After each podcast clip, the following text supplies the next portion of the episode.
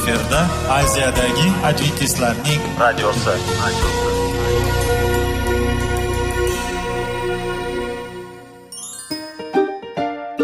Assalomu alaykum aziz radio tinglovchilar. Sog'liq daqiqasi rubrikasiga xush kelibsiz. Zero tananing sog'lom bo'lishi va uning kasalliklardan saqlash har bir insonning burchi hisoblanadi. Inson uchun bebaho boylik bu sog'liq salomatlikdir. Uni asrash esa har birimizga omonat qilib berilgan. Shuning uchun ham inson o'z sog'lig'ini ehtiyot qilishi voajib amallardan hisoblanadi. Dono xalqimiz sog'liq tuman boylik deb bejiz aytmagan. Aql idroq sohibi bo'lgan inson o'z hayotini qadrlashi lozim bo'ladi. Hozirgi kunda qanchalik dori darmonlar ko'paymasin tibbiy muassa sifati shifokorlar vasiyasi tibbiy texnika yaxshilanmasin. Agar insonning o'z salomatligi haqida qayg'urmasa kutilgan natijaga erishib bo'lmaydi va biz sizlarga bizning dasturimizga xush kelibsiz deymiz.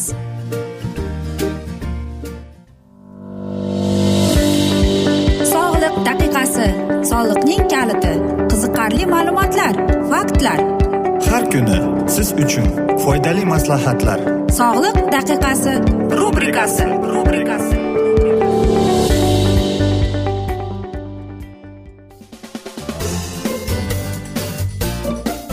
Assalomu alaykum aziz radio tinglovchilar. Dasturimizga xush kelibsiz va biz sizlar bilan besh daqiqa sog'liq uchun deb atalgan dasturimizda xushvaqt bo'ling deymiz. Va bugungi bizning dasturimizning mavzusi yurak uchun oziq ovqatlar deb ataladi. Lekin dasturimizni boshlashdan avval sizlarning yodingizga solib o'tmoqchi edik. Agar dasturimiz davomida sizlarda savollar tug'ilsa bizga whatsapp orqali murojaat etsangiz bo'ladi. Plyus bir uch yuz bir yetti yuz oltmish oltmish yetmish. Va albatta bilasizmi aynan yurak uchun oziq ovqatlar borligini. Agar yo'q bo'lsa unda bizning dasturimiz aynan sizlar uchundir. Qarangki qaysidir bir olimlar shunday ko'rsatibdiki bir ming bir yuz yetmish sakkizta odamlarning orasida ular ilmiy tajriba o'tkazgan va eng ko'pincha ulardagi bo'lgan deyapti. Arteriya e, va ulardagi bo'lgan ateroskleroz ahvolisi juda yaxshilashgan ekan. Nega? Chunki ular deyapti faqatgina shunday mevalarni iste'mol qilgani uchun deydi. Chunki ularda vitamin e kletchatka antioksidant vita moddalar bo'lgan ekan.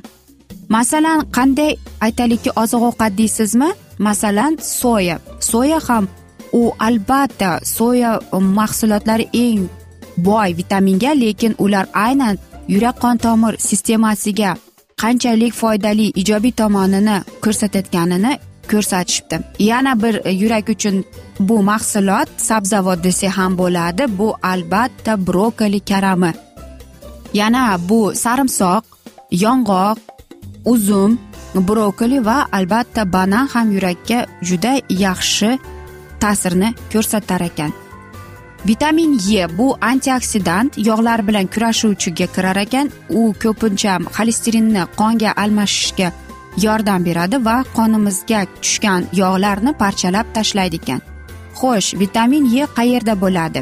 O'sib chiqqan bug'doyda olivka yog'ida albatta semechka yog'ida bo'lar ekan va bodomda bo'lar ekan. Lekin yana shuni aytish kerakki biz fitodobavka biodobavkani vitamin eni faqatgina ularda alfa va tokoferol bor. Shuning uchun ham ularni bizdagi bo'lgan e, mana shu qon tomir kasalligini oldini oladi.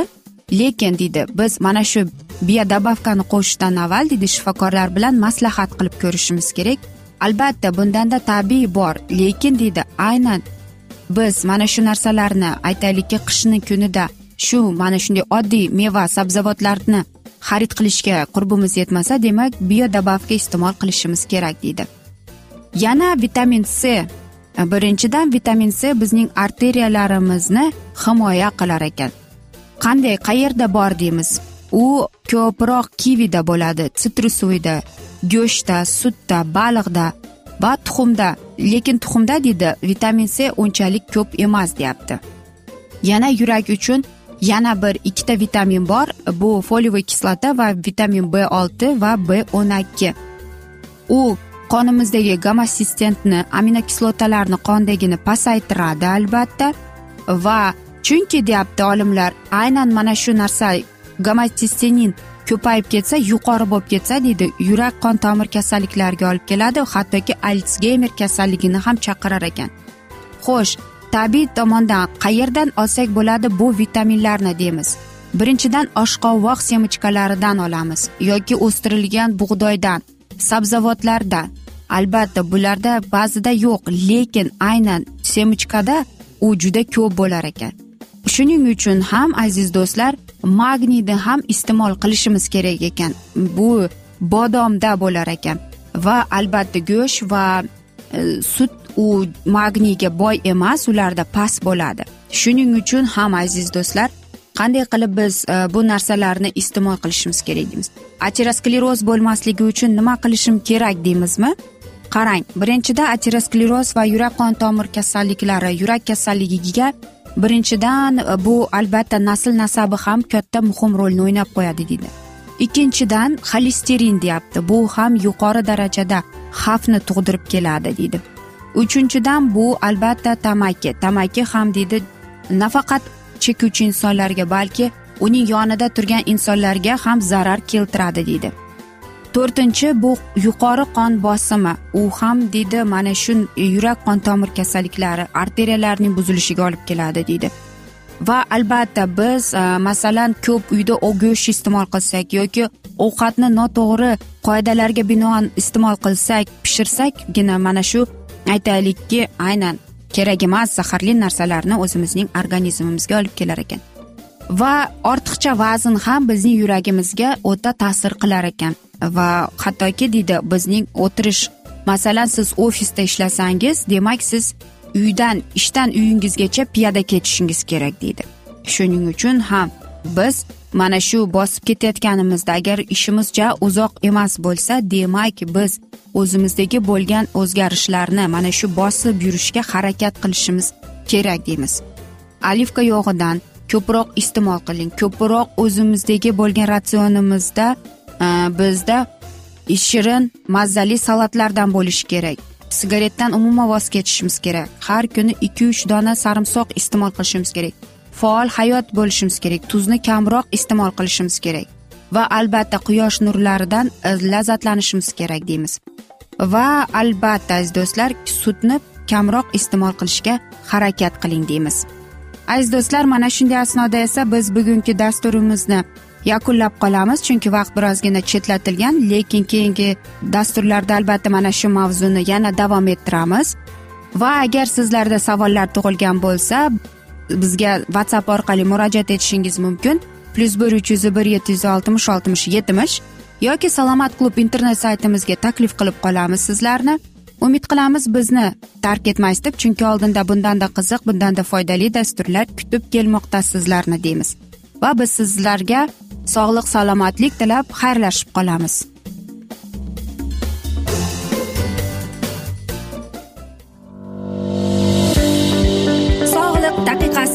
Soliqning kaliti qiziqarli ma'lumotlar faktlar. Har kuni siz uchun foydali maslahatlar. Sog'liq daqiqasi rubrikasi rubrikasi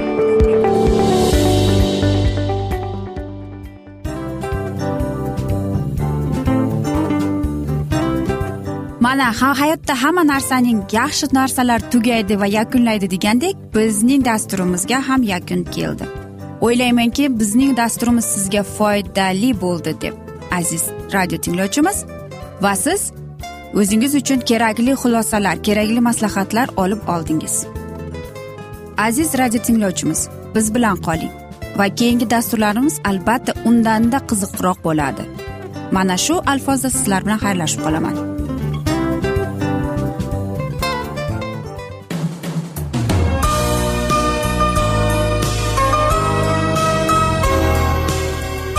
Efirda aziyadagi adventistlarning radiosi.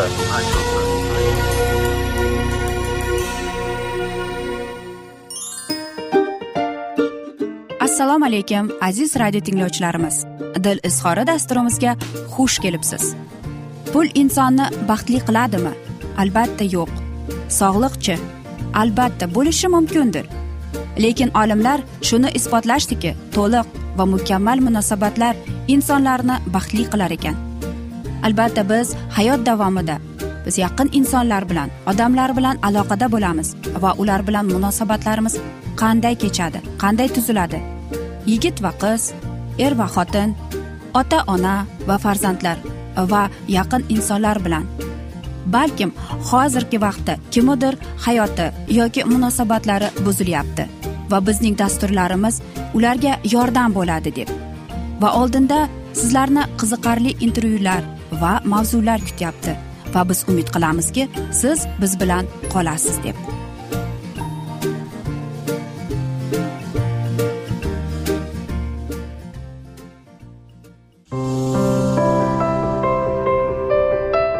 Har kuni har xil kasbdagi odamlar bilan sirlashish va bo'lishish sevgi rashq munosabat. Bularni hammasi dil izhori rubrikasida.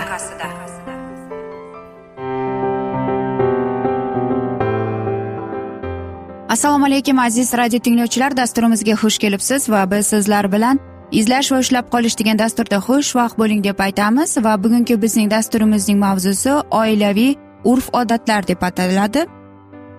Hozirgi o'zbek xalqining oilaviy munosabatlarida etnopsixologik xususiyatlariga amal qilinishga qarab quyidagi oila toifalarini farqlash taklif etiladi deydi. Birinchisi bu urf odatlar oilaviy munosabatlarda qonun darajasida qabul qilingan oilalar. Ikkinchisi urf odatlar oilaviy munosabatlarda hayotiy me'yor darajasida qabul qilingan oilalar. Uchinchisi urf odatlar oilaviy munosabatlarda o'z aksini topmagan oilalar deydi hattoki ro'ziqulov ikki ming ikkinchi yilda ilmiy izlanishlarida o'zbek oilalarida ajralishning ijtimoiy psixologik asoratlarini ilmiy asoslashga harakat qilgan.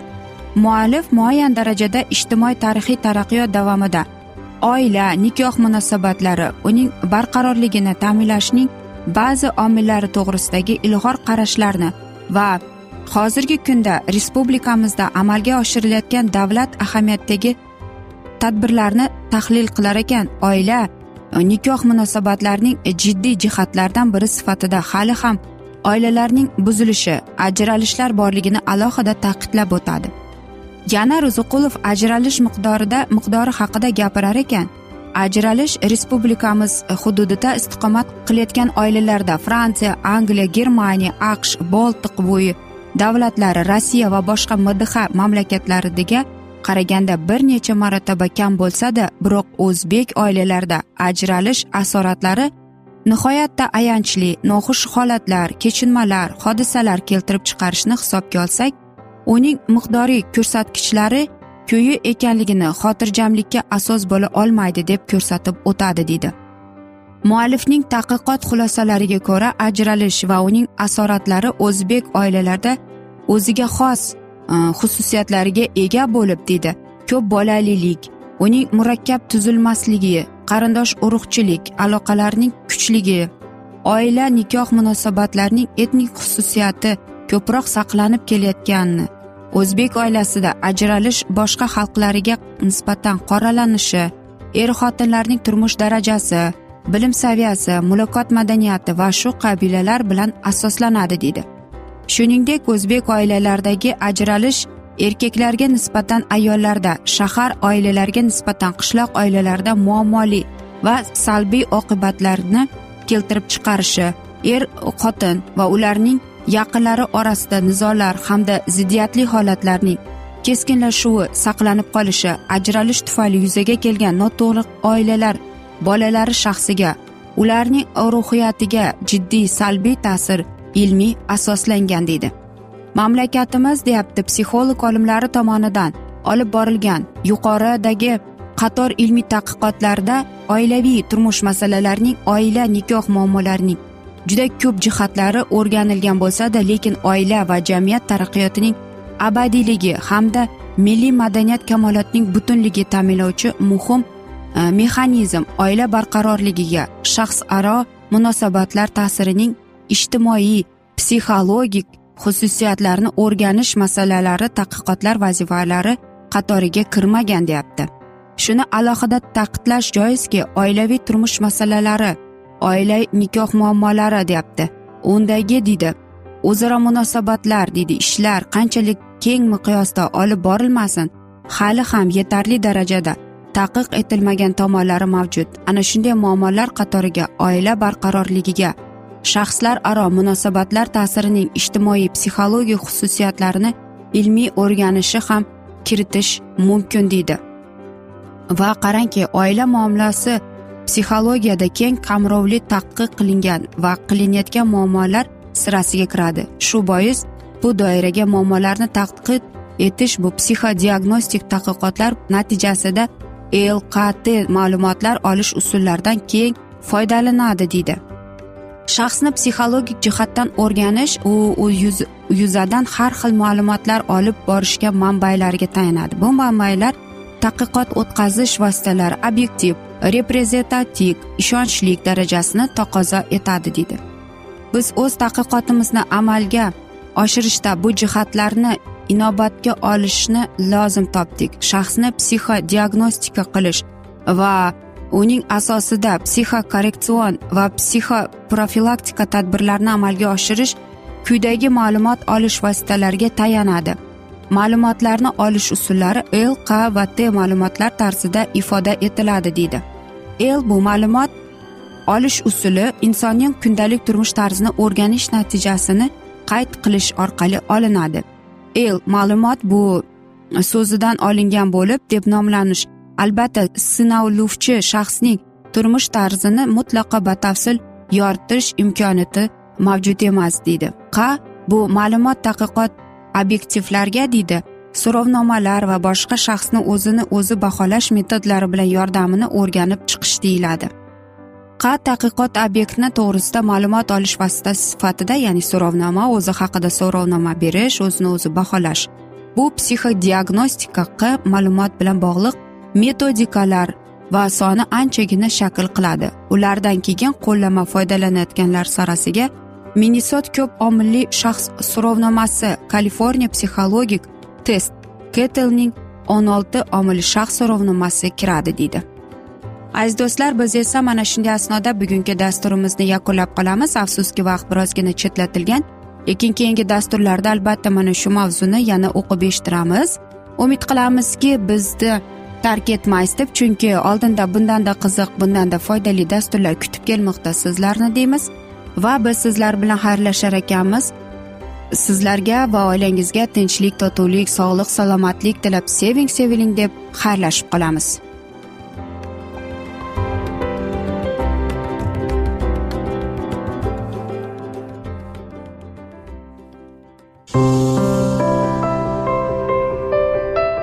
Har kuni har xil kasbdagi odamlar bilan sirlashish va bo'lishish.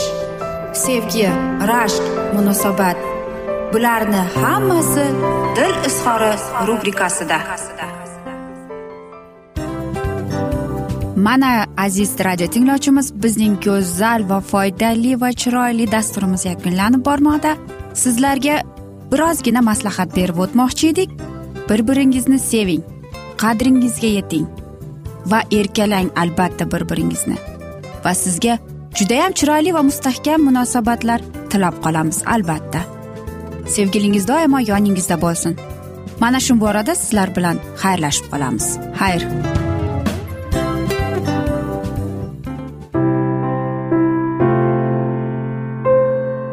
Hayotning noni. Qiziqtirgan savollar va javoblar.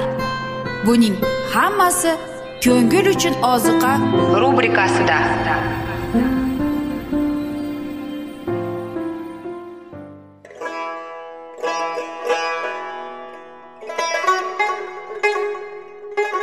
Assalomu alaykum aziz radio tinglovchilarimiz. Ko'ngil uchun oziqa rubrikasida xush kelibsiz deymiz. Siz haqiqatni izlayapsizmi? Olamnimi? Umidnimi? Siz kimga murojaat qilmoqchisiz? Odamlar ko'pincha siyosat kuchiga tayanadilar. Dunyo iqtisodiyoti holati tobora chuqurlashib bormoqda. Tabiiy ofatlar va texnogen halokatlar minglab insonlarning hayotini olib ketib juda katta zarar yetkazmoqda. Sizga abadiy hayot inomini hadya qiluvchi va hayotingizni tubdan o'zgartiruvchi haqiqatni izlab toping. Xudo haqidagi haqiqat uning kalomida mujassamlashgan. Kimki bu haqiqatni butun qalbi bilan izlasa albatta unga yetishadi. Bu sevgi xudoning tarixidir. Hayotingizda yoki sizning yon atrofingizdagi olamda nimalar yuz berishidan qat'iy nazar? Siz ertagi kunga buyuk umid va ishonch hosil qilishingiz mumkin. Hozirda xudo sizga taklif qilayotgan umid ishonchga o'z qalbingizni oching va sizni qiziqtirayotgan mavzularni savollaringizga javoblaringizni topib olasiz deb umid qilamiz. Biz bilan qoling.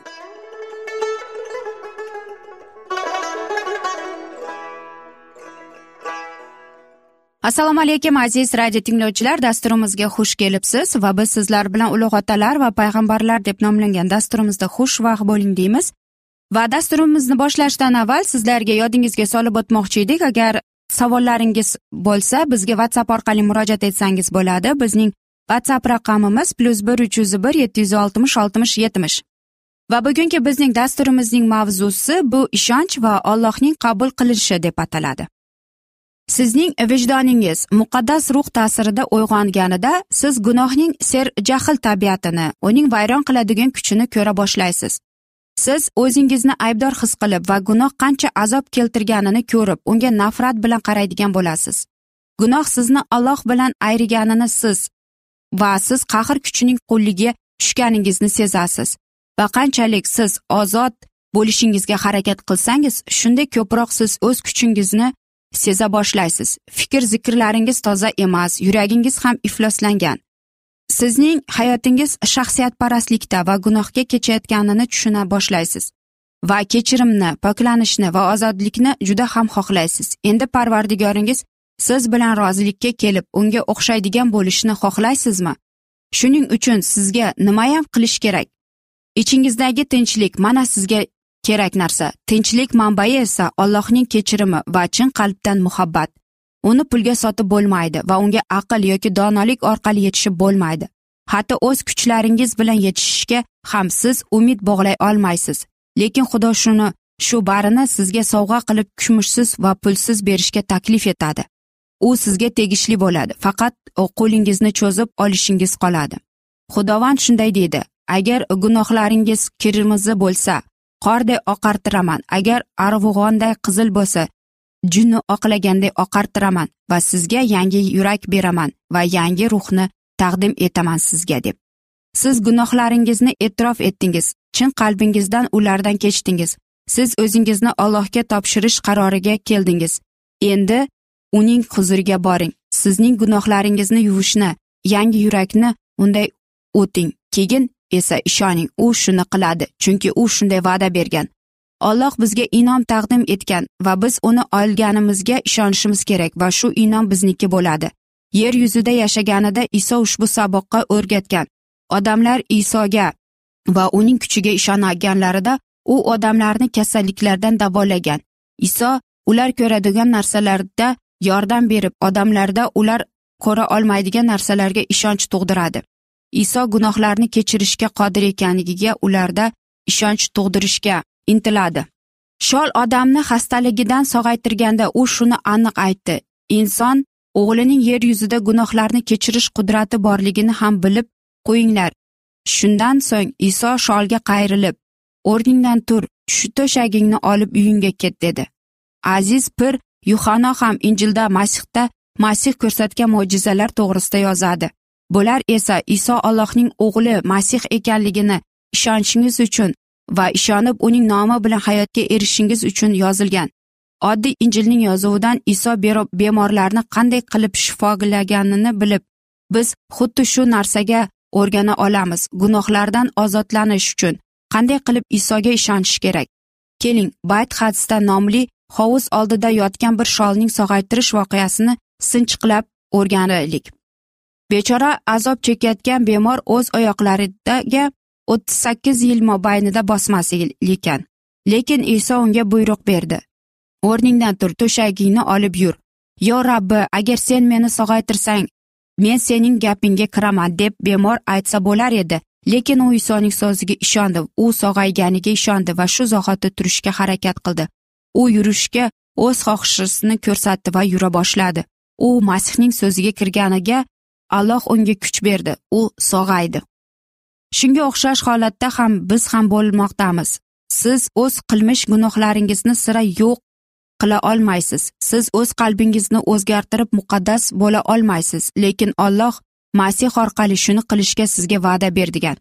Siz shu va'daga ishonch bog'ladingiz va gunohlaringizda tavba qilib o'zingizni parvardigoringizga topshiryapsiz. Siz unga xizmat qilishni istaysiz. Shu aytganlarni siz qilgan zahoti olloh bergan so'zni bajo keltiradi. Agar siz uning va'dasiga ishonsangiz kechirilishingizga va pok bo'lishingizga ishonishingiz demak olloh haq harakat qilyapti. Shol odam ishongan zahoti sog'ayganiday va uning yurishiga masih kuch berganiday siz ham xuddi shunday davo topdingiz. Agar shunga ishonsangiz ha u darhaqiqat. Siz sog'ayganingizni sezishdan oldin ayting men shunga ya'ni sog'ayishimga ishonaman. Mening e'tiqodim sezishim tufayli emas balki olloh va'da berganida asoslanmoqdadir deb. Iso deydi binobarin sizlarga aytaman siz ibodatda nimaki so'rasangiz olishingizga ishonganlar va erishasiz deb. Bu va'da bir shartnomaga bog'liq. Biz ollohning irodasiga bo'lgan narsasini so'rashimiz kerak. Uning irodasichi bizlarni gunohdan qutqarib bizni uning farzandlari sifatida muqaddas hayotga loyiq qilishdan ibodatdir. Shuning uchun biz tangrimiz inoyatlaridan so'rab olishimiz mumkin va ularni olishimizga ishonib ularni olganimizga allohga tashakkur bildirishimiz mumkin. Bizning afzallik isoga kelib gunohlardan forig' bo'lish va qonun oldida uyatga qolmay vijdon azobidan qutulgan holda yashashdir. Shunday qilib iso masih ummati bo'lganlariga qarshi deb endi hech bir maxluqlik yo'qdir deyiladi. Aziz do'stlar mana shunday asnoda biz bugungi dasturimizni yakunlab qolamiz. Chunki vaqt birozgina chetlatilgan lekin keyingi dasturlarda albatta mana shu mavzuni yana o'qib eshittiramiz. Va o'ylaymanki sizlarda savollar bor. Agar shunday bo'lsa bizga whatsapp orqali murojaat etsangiz bo'ladi. Plyus bir uch yuz bir yetti yuz oltmish oltmish yetmish. Umid qilamanki bizni tark etmaysiz deb chunki oldinda bundanda qiziq va foydali dasturlar kutib kelmoqda deymiz. Biz esa sizlarga tinchlik tilagan holda xayrlashib qolamiz.